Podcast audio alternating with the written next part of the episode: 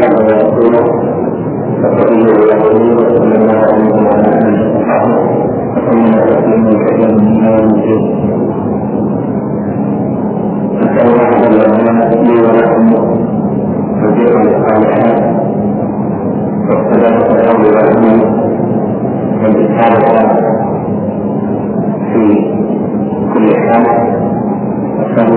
سبحانه أن يجعلنا ممن من عمله من عند الله سبحانه وتعالى وأن لا يحصلنا من أنفسنا طرفة لا حول ولا قوة إلا به سبحانه اللهم توفقنا الصالحات ومن علينا بما تحب وترضى أما بعد فنذكر المقدمات في كلية العبادة من كتب الفقه وكيف يدرس طالب العلم الفقه أنواع الشغل أولا الفقه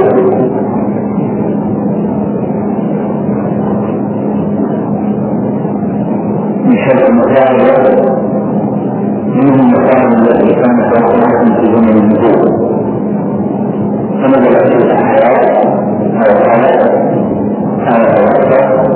وبين فيه النبي عليه الصلاة والسلام الحكم فهذه مسائل موصوف بها حكمها وفي تكون النصوص الجامعة على ذلك ظاهرة معنا ومنها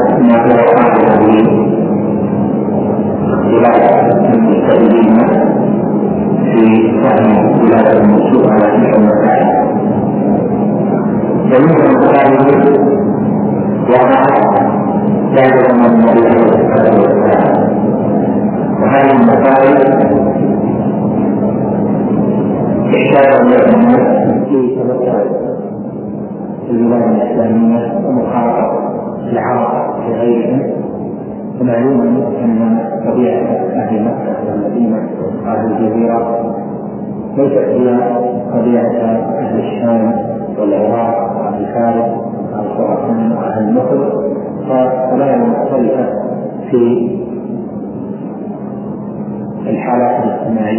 المساكن فيما يستخدمون في الوقت الجو إلى آخره. فظهرت مسائل تحتاج إلى الناس يسألون عنها الصحابة رضوان الله عليهم. وهذا هو القسم الثاني وهو المسائل التي اجتهد فيها الصحابة رضوان الله عليهم. واجتهاد الصحابة في هذه المسائل كان مبنيا إما على ولاية نصر في إدخال مثلا المسألة في عام أو في الاستدلال بمطلق على هذه المسألة أو الاستدلال بقاعدة عامة دل عليها دليل في هذه المسألة. نحو قواعد مخلوقة كأخلاق الحرب ومشاقة التنسيق والأمور المقاصدها ونحو ذلك من القواعد العامة وهناك مسائل اجتهدوا فيها والاجتهاد كان على غير وقوف في الدليل يعني يستدل له ولكن قد يستدل عليه. وهذا ظهر وظهرت الاحوال مختلفه بين الصحابه بقوه في هذا الامر فهذا النوع مما دون بعد ذلك أقوال الصحابة وقال في المسألة عند الصحابة قولين أو أكثر من ذلك من مثل حكم مثلا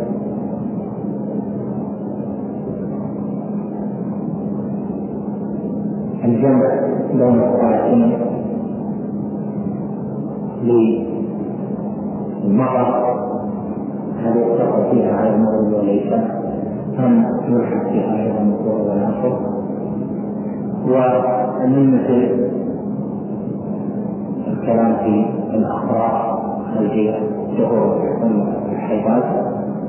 ونحو ذلك من المسائل التي اختلف فيها الصحابة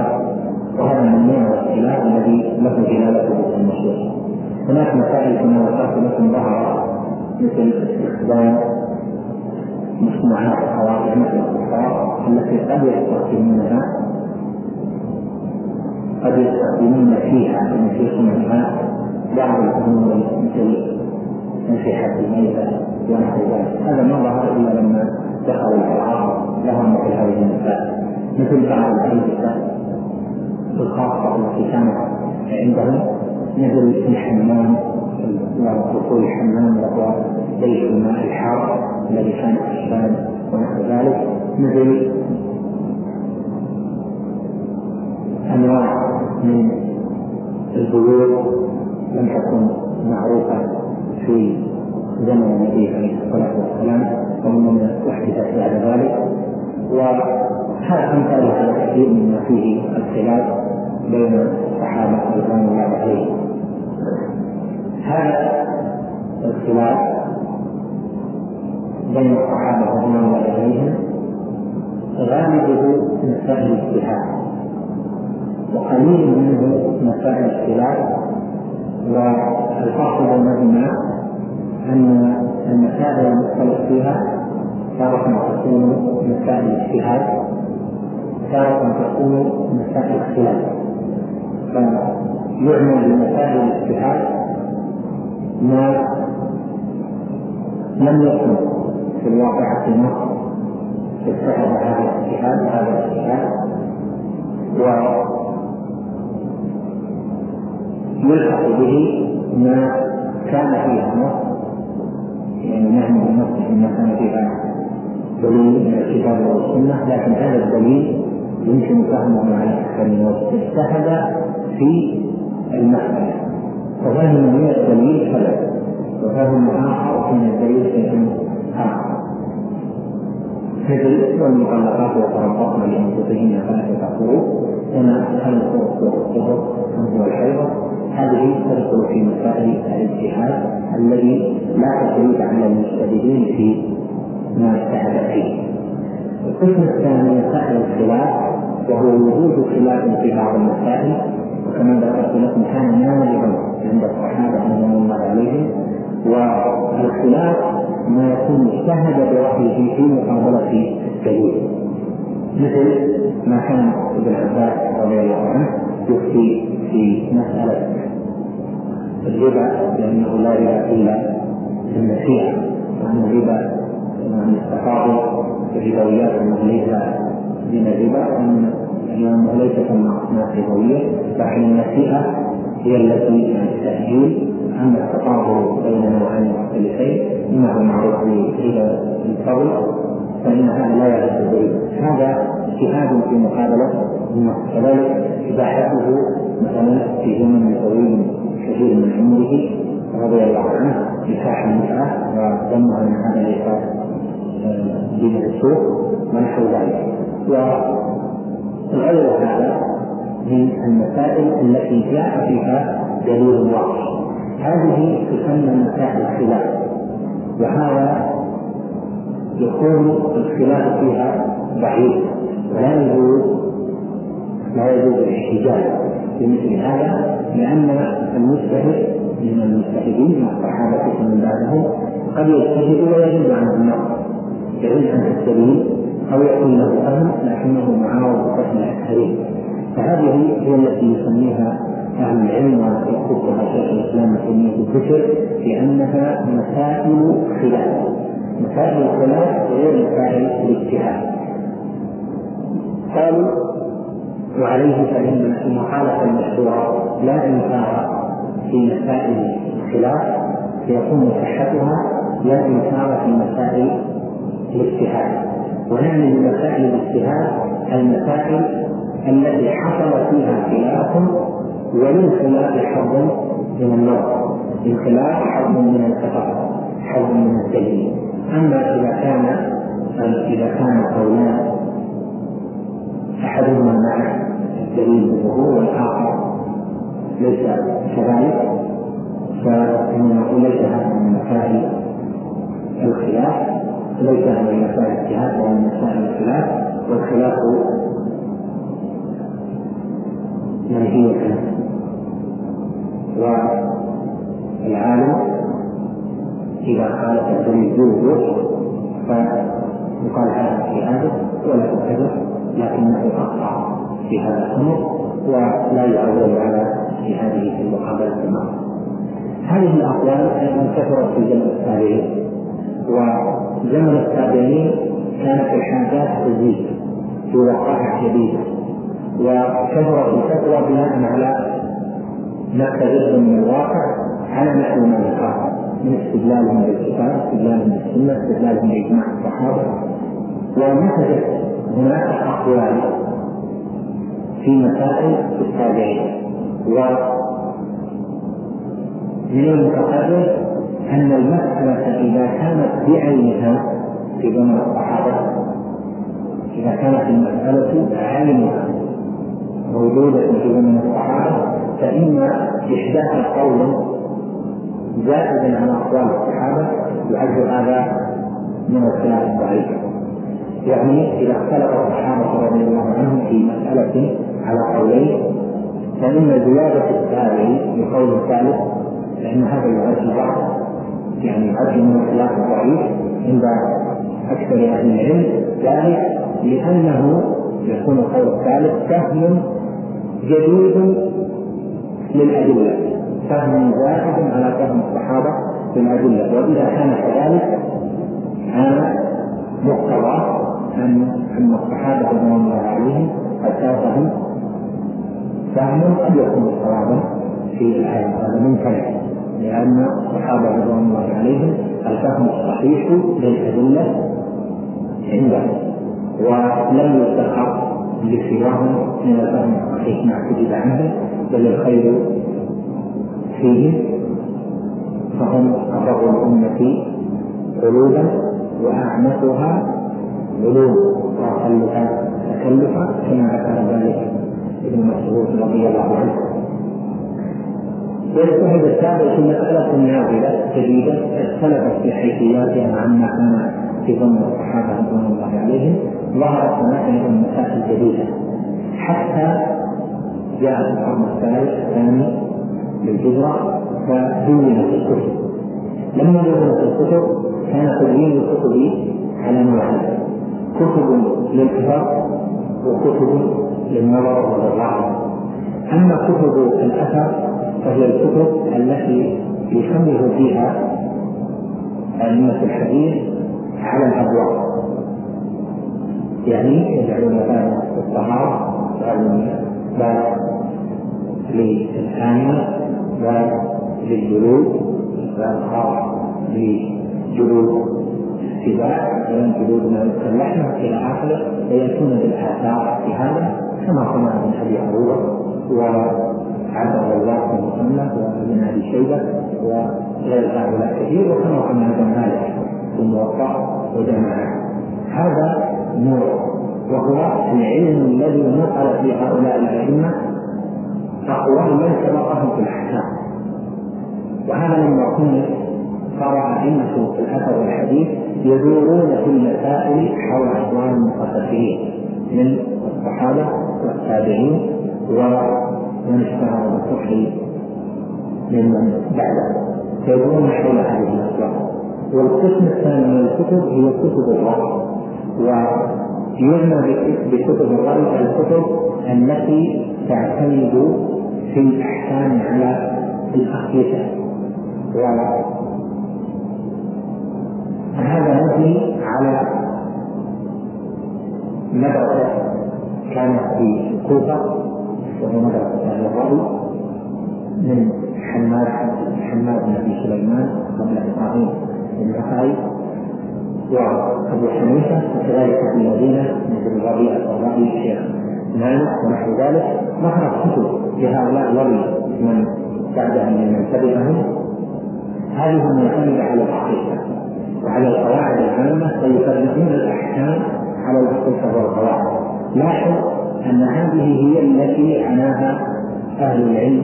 في الأثر وأهل الحديث في الذنب إياكم وكتب الرأي. إياكم وأهل الرأي فإنهم أعيتهم الآثار. أن يحملوها فذهبوا إلى الرأي ونحو ذلك. لأنهم يستدلون بالقياس وبالقواعد ويقدمونها على على الآثار. وهذا لا شك أنه ليس بطريقة قوي ذلك لأن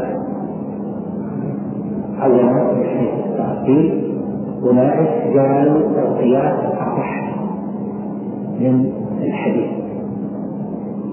فيقولون القياس دليله قطعي وقاعدة دليلها قطعي وأن القياس كما نقول هو أهم من خصوص معرفة الاصطلاح الحقيقي. لأن القياس ما يدخل فيه تحقيق البيان. يعني القواعد التي تدخل في العبادات والمعاملات فيستدلون بأدلة قطعية على الفرائض فإذا أتى دليل مخالف القاعدة يقولون هذا أحاد حديث قل هذا أحاد فلا لا نقدمه على العقل.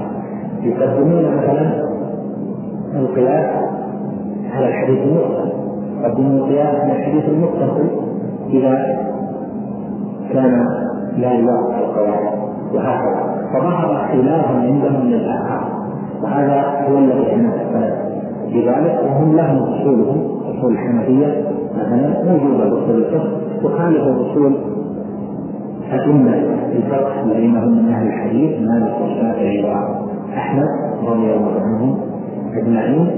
في أنحاء كثيرة في أبواب كثيرة. مثلا عندهم أن العام مثلا من الأدلة العام أقوى من الخاص فعندهم أن دلالة العام على أفراده دلالة الخاص على ما اشتمل عليه من الفرق أن المسألة الخاصة فهذه دلالتها عرضية فيجعلون العام مقدما الخاص ولا يحكمون بالخاص على العام. وهكذا في التقييد والإطلاق وهكذا في مسائل شتى مثلا عندهم الحديث المرسل المرسل مقدم على المسلم الحديث المرسل مثلا عن سعيد بن المسيب أن رسول الله صلى الله عليه وسلم قال كذا إبراهيم ما عليكم من قال كذا وهكذا المراسيل عن مراسيل عامة مراسيل أبي العالية ونحوهم فعل مشوار التابعين وغيرهم يعتبرون أن هذه المراسيل أقوى من من الأحاديث المسلمه في حديث مرسل وحديث متصل في المسألة نفسها.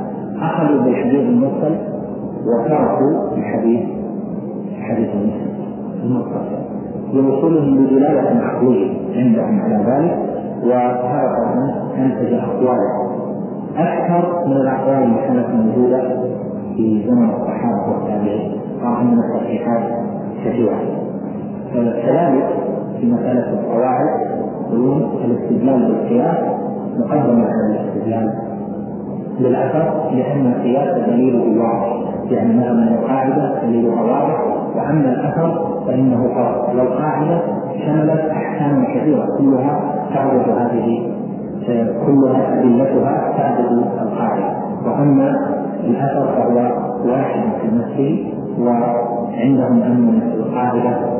هي على ما اشتملت عليه وأما الأثار فإنه ظني هذا هو الذي نهى عنه السلف بشدة وحذروا من النظر الرأي في هذا الأمر.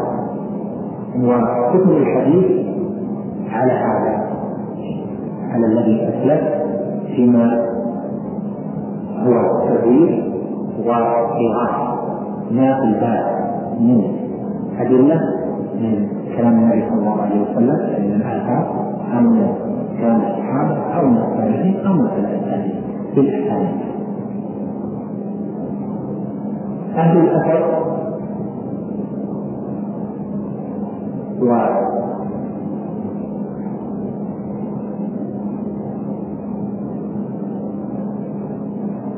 يمثلها بوضوح في اتباع شيخ الإمام أحمد. رحمه رحمه الله ورحمهم اجمعين ينظرون في المسألة إذا جاءت في المسألة ينظرون فيها فإذا كان فيها حديثا عن النبي صلى الله عليه وسلم قدموه إذا كان دلالته ظاهرة أو من باب أولى إذا كانت نص وإذا لم تكن كذلك نظروا في تفاوت فيما يثبت أحد الاحتمالين في الفهم كذلك إذا جاءت فتوى عن الصحابي وكان فيها احتمال في الفهم نظروا في أقوال أصحابه من بما يوضح لهم معنى قول الصحابي إذا كان القول ظاهرا أو نصا من الصحابي في المسألة النازلة وليس له مخالف أخذوا به إذا اختلف الصحابة في المسألة على قولين هنا تنازع فيأخذون كلام أو فتوى من يأخذون قول من فمنهم من قال نأخذ بقول الخلفاء الراشدين. أو بأحاديث إذا وجد وذلك لأن النبي صلى الله عليه وسلم قال عليكم بسنتي وسنة الخلفاء الراشدين المهديين من بعد. وإذا خالف مثلا عثمان خالف خالف ابن عباس أخذوا بقول عثمان إذا خالف عمر خالف ابن ابن عمر أخذوا بقول عمر وهكذا إذا اجتمع الخلفاء الأربعة على مسألة أخذوا بها بقوة تارة تكون الآثار الآثار متعارضة في المسألة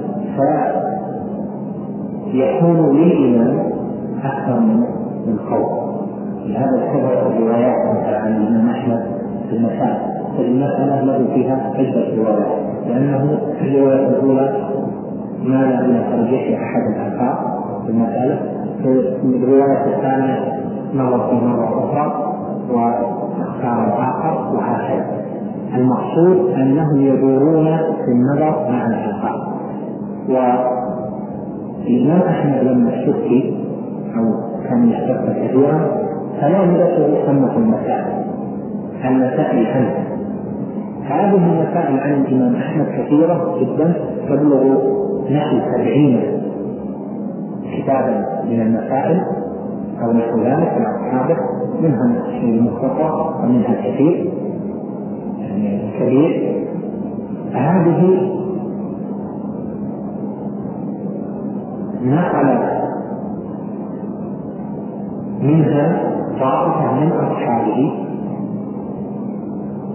ما هو معتمد عندهم مما يعرفونه من كلام الإمام أحمد وهم المسمون بالجماعة عن الإمام أحمد؟ هذه الأقوال زودها بعض الحنابلة المختصرات ابتداء من الاختراطي ومن بعد. حولوا حولوا الفقه إلى أنه فهم الإيمان في النصوص كان سابقا مثل ما ذكرت لكم الأئمة ينظرون في الآثار.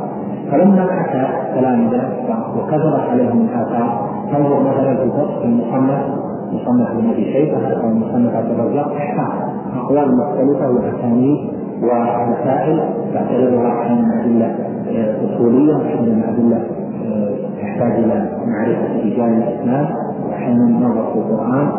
وفي السنة وهل يحمل هذا على أو لا فالتلامذه ضعفوا عن ذلك مع وصية الأئمة بأن يأخذوا من حيث أخذ الائمه لكن وجدوا في أنفسهم الضعف فتمسكوا بفهم الأئمة للنصوص لأجل أن يريحوا أنفسهم يدوروا هذا وهذا التدوين أضعف باب النظر في آثار تدوين تدوين الفقه مثل مختصر الفرق وغيره أو مختصر المزن الشافعية أو مختصر الصحاوي أو مثلا كتب محمد بن حسن محمد بن القاسم عن مالك بالمدونة أضعف النظر في الآثار التي عند هؤلاء الأئمة. فصاروا يدورون مع مع نصوص الأئمة بل زاد الأمر بعد ذلك حتى أصبحوا يخرجون عليها. وكأن هذه قد نص عليها الإمام بمسألة واضحة وهي كما ذكرت لكم أنهم ذكروها جوابا على الاستفتاءات والمستفتي إذا استفتى. فالجواب يكون على قدر على قدر الفتوى ولا يستحضر المفتي حين السؤال أن كلامه سيكون عاما. أو خاصا أو نحو ذلك فإنما يجيب على حسب. أحيانا ينتبه لهذا الأمر أحيانا يجيب على قدر السؤال. لهذا ظهر هناك أقوال. أقوال في المذهب الواحد. أن مثلا عند الشافعية عندك أقوال. أقوال العراقيين أقوال العثمانيين قول الشافعي القديم وقول الجديد. ومن منهم من أخذ بهذا ومنهم من أخذ بهذا. لأجل نظرهم بأن الإمام ما أراد بنصه هذا المعنى المعين بل أراد شيئا آخر. هذه كانت جواب أم أو هذه أراد بها خصوص المسألة. ما أراد مثيلة ونحو ذلك. كذلك أصحاب الإمام أحمد كثرت عندهم الأقوال وأصحابه كثير ولأجل كثرة الروايات تعددت الأقوال المثل. لهذا مثلا عند الحنابلة عندنا عدد مراحل مرت بها وهي ثلاث مراحل.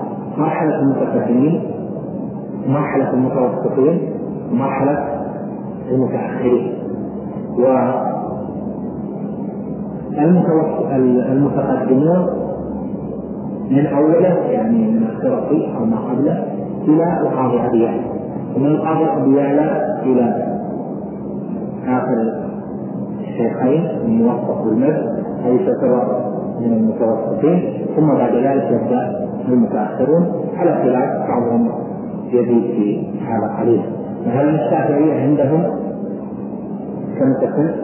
عندهم اسمان متقدمون ومتأخرون؟ والحد عندهم بين المتقدمين والمتأخرين رأس من 400 وهكذا عند المالكية أيضا عندهم طبقات.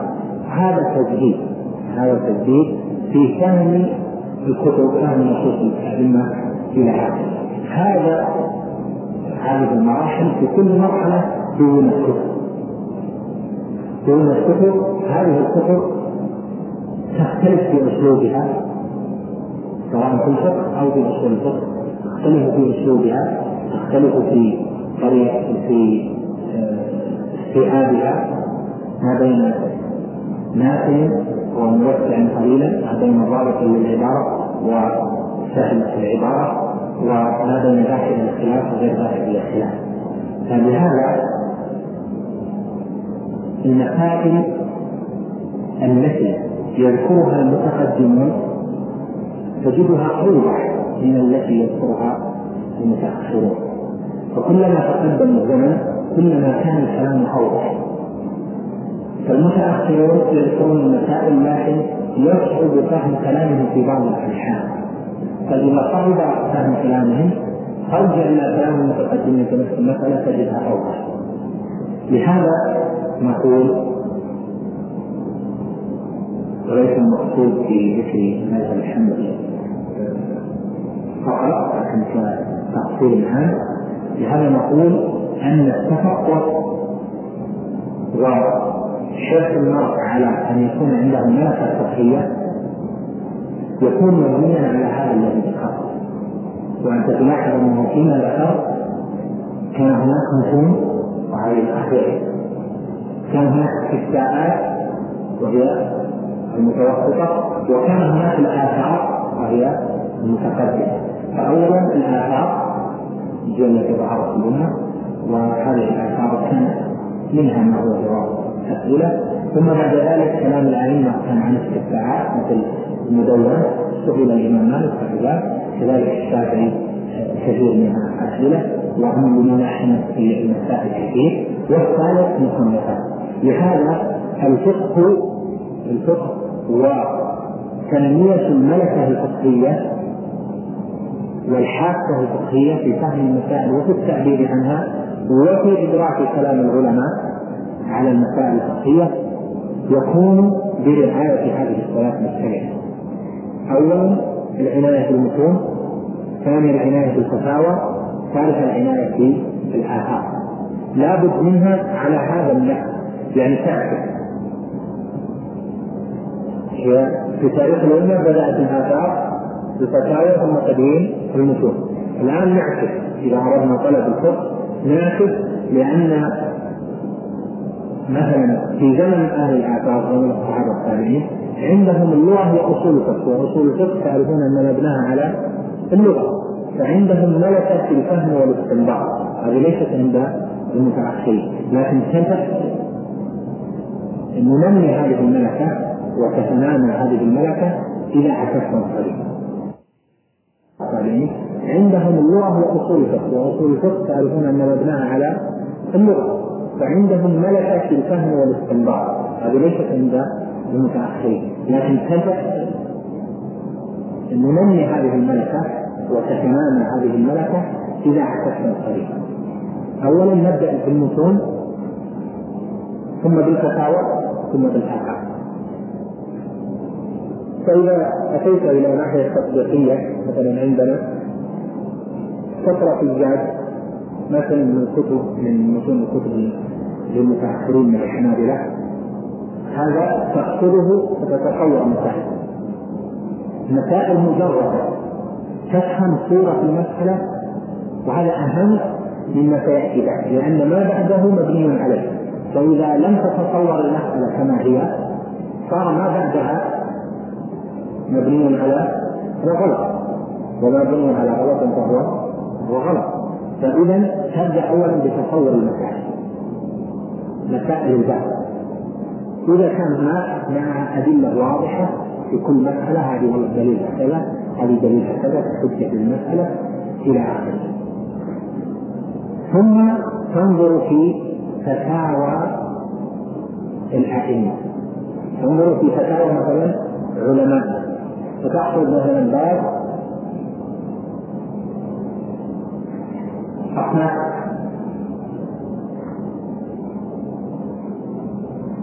مثلا تأخذ قلنا مثلا باب النحو الكفين تأخذ هذا الباب تقرأ فتحا ثم بعد ذلك تفهم المسائل على حسب ما يذكر من الدليل المختصر ما تتوسع لأنك إذا توسعت غيرها.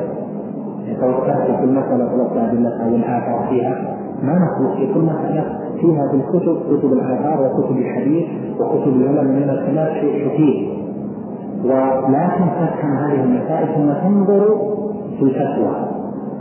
سؤال والجواب من علماء علماء وقتك من علمائنا.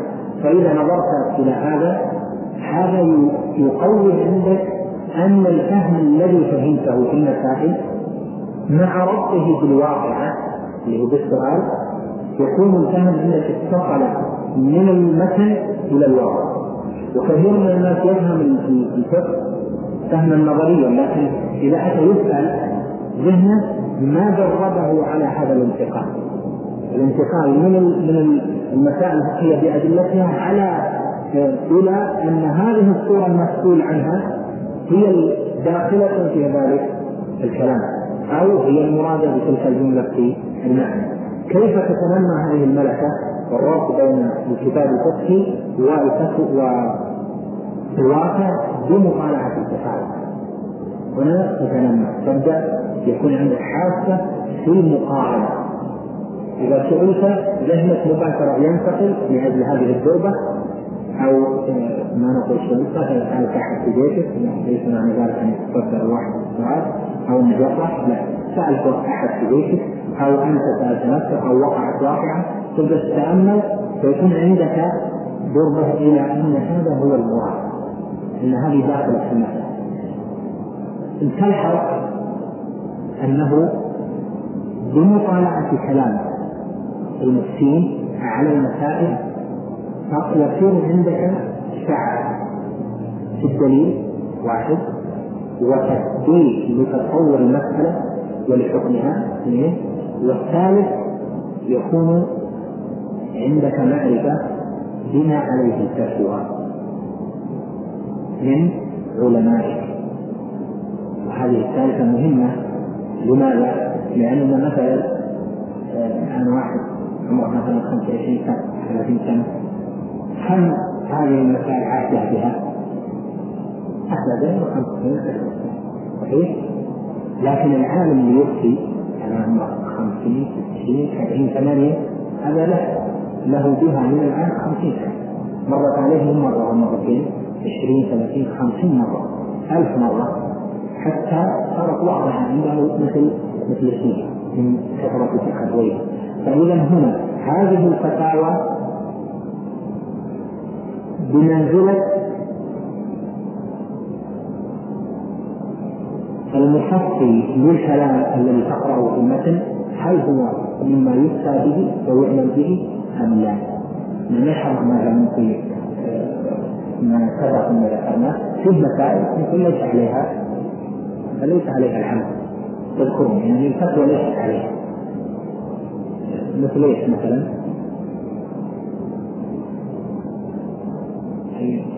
في مسائل كثيرة مثلا في في طهارة تلك الميتة إيه؟ فما معروف مثلا في المثل في باب المستثنى أنه لا يطهر جلد ميتة بذباب أي مطلقا كل ميتة فلا تطهر بجلد لكن إذا كان الحيوان مما يحل بالزكاة فيه يحل بالزكاة يحل أخذه بالزكاة قال يباح استعمال هذا النوع في يابس مثل ما قال ويباح استعماله في يابس لحيوان طاهر حال يعني إما يباح في ذلك. أو مما كان بين العرق والخلقة إلى ما المعروف إذا نظرت الفتوى الفتوى على خلاف ذلك. فإذا هذا الرد الفتوى تبين لك ما عليه العمل في المثل مما ليس عليه العمل. فإذا ربطت هذا الرد يأتي عندك مساحة جديدة بالفهم فتنتقل إلى بعد ما تحكم هذا الأمر تحكم الباب أو تحكم الأبواب إذا انتقلت إلى كتب الخلاف كتب الآثار يكون عندك فهم. إلى أن هذا القول هذا القول أفضل من هذا القول هذا القول ليس عليه الحمل تظهر عندك إشكالات لماذا يحكمون مثلا بهذا بهذا الفتوى؟ والآثار جاءت فيها كذا وكذا لغير ذلك. في مثلا هل المرأة الحائض مثلا تقرأ القرآن. أو المرأة تقرأ القرآن أم لا؟ هل تعرف الفتوى عند أكثر من مشايخنا على أي قول. ثم إذا نظرت أسباب ظهر عند الشيخين يبدأ أن يكون علم مهم جدا في الفقه وفي كل فن وهو علم الاستشهاد. إذا استشهد المستشهد هذا معناه أنه يفهم. إذا كان استشكاله واقعيا. نستشهد لماذا يكون بسبب مع أن الأثر دل عليه مع أن الدليل يحتمل هذا وإذا سأل أحد من أهل العلم أزال عنه الإشكال وأجاب عن إشكاله وقد قال الحرافي في في فروقه قال معرفة الإشكال لما ذكر الكبائر والصغائر في قاعدة في الفصل بين الكبائر والصغائر قال ومعرفة الإشكال علم العلاج من المهم انك تستشعر وما شفت يقولون كذا. والدليل محتمل لكذا ليش ما لماذا ما ذكرها؟ لماذا ما ذكر القاعدة؟ هم القاعدة تشمل هذه. لماذا ما استدل بالقاعدة؟ هناك استدلالات كانت مهجورة في السلف. الأدلة موجودة. ولم يستدلوا بدليل. ولما أتى المتأخرون أو بعض المعاصرين استدلوا بأدلة لم يستدل السلف في المسألة بتلك الأدلة هذا إشكال لماذا؟ لماذا السلف ما استدلوا في مسألة كذا وكذا بالدليل الفلاني؟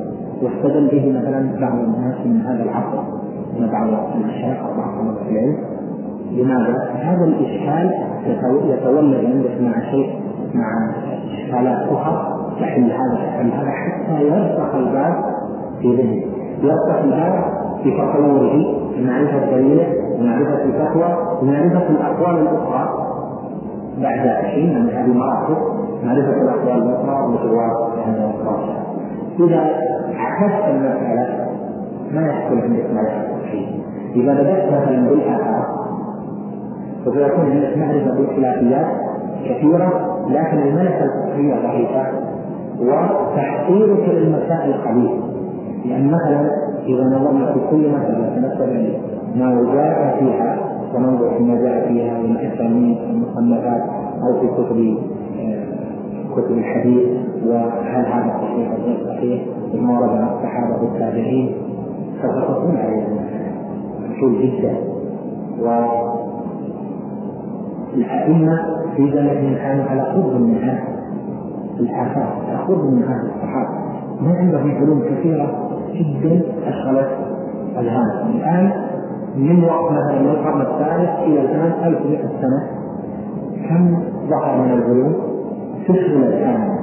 وأخذت حيزا من الأذهان ولذلك صار الذهن لا يستطيع أن يكون مركزا على ذلك. يعني في غالب في غالب في غالب الطلاب يكون مركزا على الآثار ومستخرج منها ولهذا نقول نعم الغاية هي الآثار.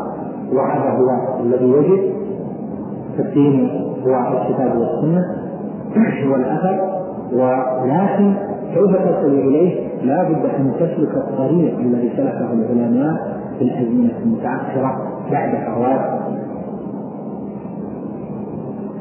التمكن في العلوم وآلاتها بدأوا بالمتون المختصرة جدا على كالبها ثم بعد ذلك يكون تطور العصر ماذا يكتب على عصرين الشافعية على الشافعية والحنفية على الحنفية. ثم يبدأون بإيران الإشكالات والنظر في الآثار. هنا مسألة التدرج في طلب الفقه. الفقه الطويل ما شك ويحتمل في تدريسه كل يوم عدة سنين. لو درس مثلا في كتاب باب المتقدم لكن هذا الأمر وهو كونه طويلا وأنه يحتاج إلى سنين هذا يسهل يسهل في اتباع طريقه الحديث اولا أن تأخذ كل باب على حده ما تأخذ بين الأبواب تأخذ كلمة تأخذ باب مثلا كتاب الزكاة تأخذه تأخذه لو تجد في ساعة مع معلم أو مع نفسك تجد الساعة تدرسه جملة جملة تقرأ تنظر حتى تتصور الجملة. هنا إذا كان المعلم مثلا قد وصل معك إلى كتاب الزكاة أو كان في أحد المشايخ مثلا يقرأ على سبيل المثال في هذا في الزكاة فلا تستمع يجب لك الأمر. إذا لم يمكن ذلك وأردت أن تقرأ أنت فلا بد من أن تكون على صلة بأحد العلماء الذين يعون كلام أهل الفقه. هذه الصلة تعلق أن كل ما شيئا تفعل كلما ما فهمت عبارة تفعل بعد ما تركيبا ما استقام في ذهنك تفعل وهو يوجد هذا الإيضاح إما باتصال هاتفي أو بملاقاة هذا الإيضاح وهذه الصلة آه، تجعل المسائل تتضح ثم أيضا يكون الحرص على ملازمة أهل العلم في سماع كلامهم لأنه جربنا هذا قبلكم في مسائل كثيرة في الفقه. تمر عليها لكن ما تتضح لك إلا بسماع سماع كلام أهل العلم فيها. إما مثلا في كلمة أو في فتوى أو هو يتكلم يناقش المسألة تناقشه تجد أنه يعطيك مفتاح لفهم هذا الباب أو فهم هذه المسألة ما أدركته بمجرد بمجرد القراءة. فاذا اولا إحكام الباب يكون بدون مداخله يعني تأخذ كتابا معينا كتاب الزكاه أو بابا معينا فتدرسه بدون مداخله يعني مثلا واحد يقول أنا بقرأ مثلا في باب مثلا في كتاب الزكاة في نفس الوقت باخذ في كتاب البيوع في نفس الوقت باخذ في مثلا في الحدود.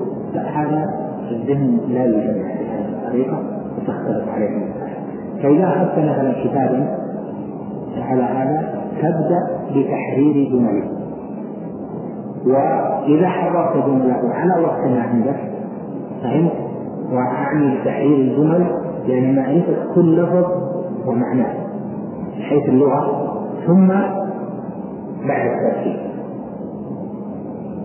طالب العلم في الفقه بخصوصه لابد أن يكون حساسا في اللغة لأنه إن لم يكن حساسا في اللغة استعمل في كلامه غير لغة العلم وهذا يضبط معه طالب العلم. إذا تتكلم مثلا في الفقه كلام ثقافي يعني كأنه موعظة كأنه كلام عام فيضبط الواحد معه.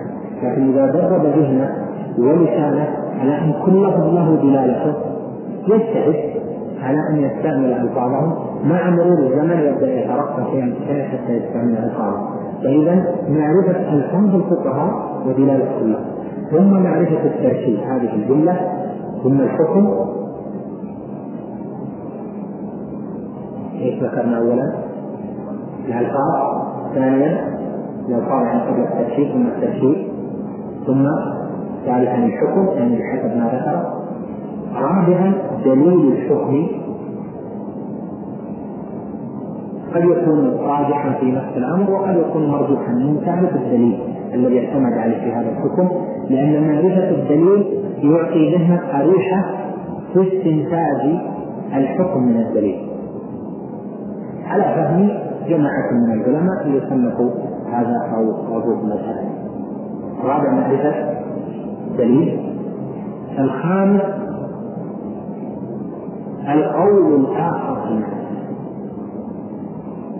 بشرط أن يكون قولا قويا.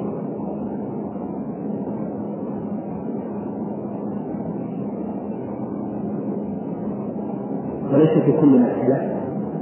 يعني مثلا مثل ما كان المشايخ رحمهم الله هو المدرسون الفقه عندنا هنا فيذكر اختيار شيخ الإسلام مثلا مسألة خاصة وقد يكون بعدها استدلال أو ترجيح هذه الأربعة إذا أخذت مثلا الإثبات من الكتاب بعد ذلك ترجع إلى نفسك باختبار. إذا سمعت هذا الشرح مثلا من شرح الباب من معلم شيخ من عالم أو قرأته وناقشت في أحد العلماء أو سمعته في واحد شيء نحوه بعد ذلك تختبر نفسك في هذا. كيف تختبر نفسك؟ تأخذ المتن مجردا عن الشرح وتجتهد في أن تشرح شغل مثلا زاد مستقبل شغل الروم مثلا أو شرح الشيخ المدني أو حاشية الإليه أو إلى آخره حاشية ابن وتبدا تاخذ المتن وتبدا فتلحظ في أول مرة أنك في مسائل تصورت وعبارتك كانت عباره جيده رضيت عنها. لكن في مسائل أردت أن تتكلم؟ استبحث عندك ما ما عرفت يعني اشتبهت مع أنك حين حين القراءة كانت واضحه مثل ما يأتي في الاختبار.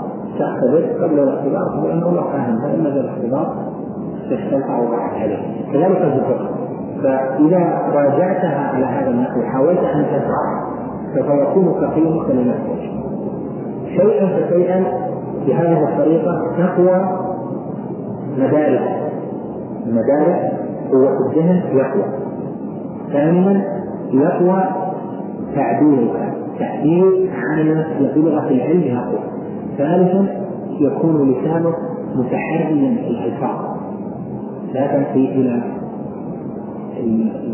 المسألة تذكر بالمعنى. يعني تذكر بما يدل عليها بحسب ما تفهم. تكون دقيقا في اللفظ فتعبر بتعبيره تعبر بلغته شيئا بشيئا بحسب. انت والله خمسة خمسين مثلا عند نفسك.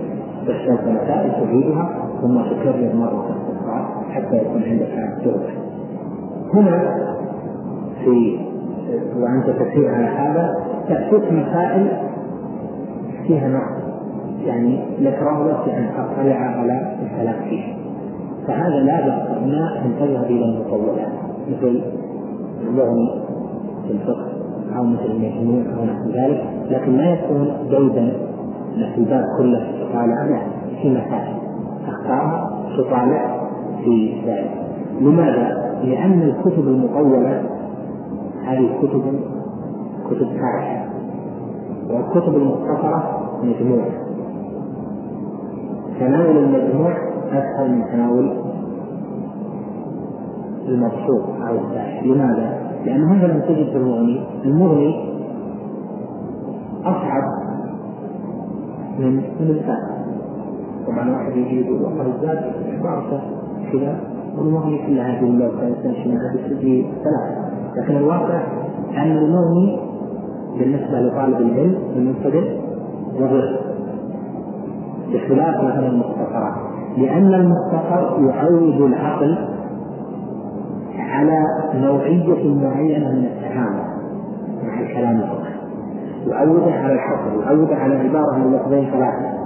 يعوده على مبتدا وخبر يعوده على شروط؟ يعني يحكم الذهن أما ذاك فيكون مبسوطا والمبسوط هذا الذهن يقرأه بسهولة يمشي ثم بعد ذلك ما يتربى عنده إلا يتذكر أن المسألة فيها أقوال. أما العبارة والإدراك ما تربى عنده. ولهذا كان الله يغفر له الشيخ عبد الرزاق حفيظه رحمه الله تعالى يقول الموفق يقول الموفق صنف في الفقه كتبا أربعة.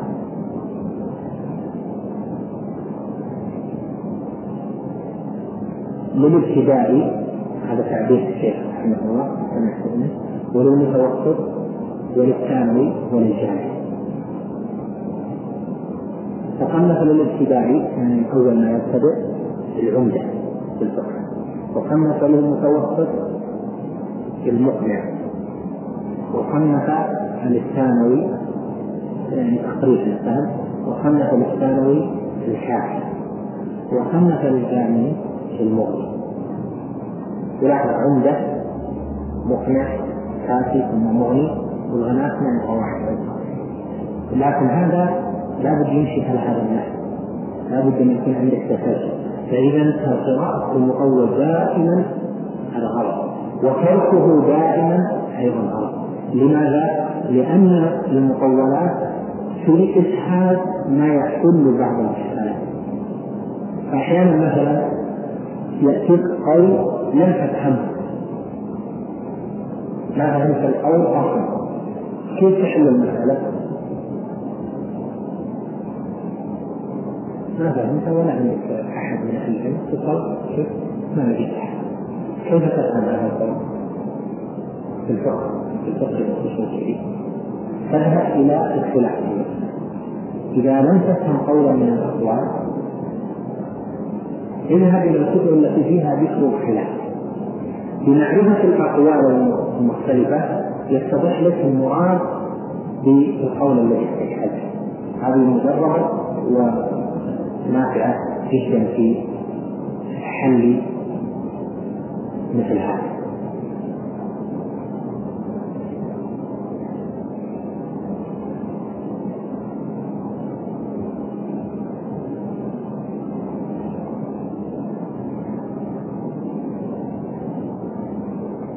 كل حال هناك يعني عدة أشياء أخرى لكن ربما يحتاج الكلام عليها إلى إلى طول مثل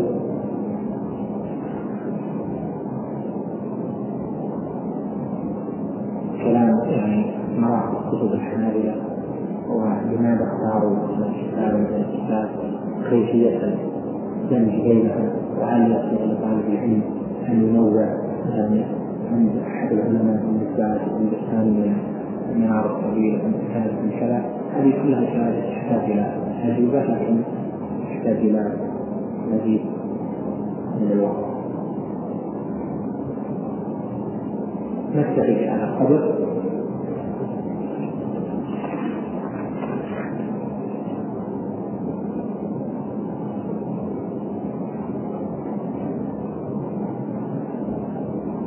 انطلق يعني في درس النحو وأصول الفقه. نظرا لأن هناك ضعفا في هذه الكميه الشكوى. يعني لعله يكون في دروس في النحو لبعض إخواننا المشايخ الدكاترة في الجامعة. ربما يكون في هذا الفصل لو تتبعتم الدروس في هذه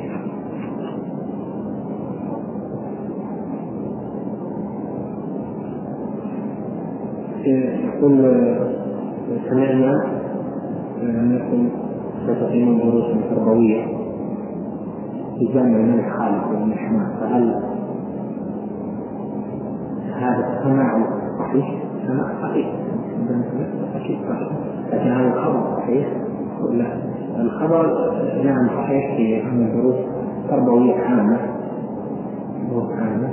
ربما تكون كل أسبوعين لكن المسجد لم يحدد لها لا ندري هل هذه المسجد مسجد الملك خالد أو في مسجد شيخ الاسلام ابن تيميه إلى الان ما هذا الله جل وعلا لي ولكم التوفيق والسداد وصلى الله وسلم وبارك على نبينا الثلاث فتح الواسطية والثلاثة في الزاد المعقدة وبعدين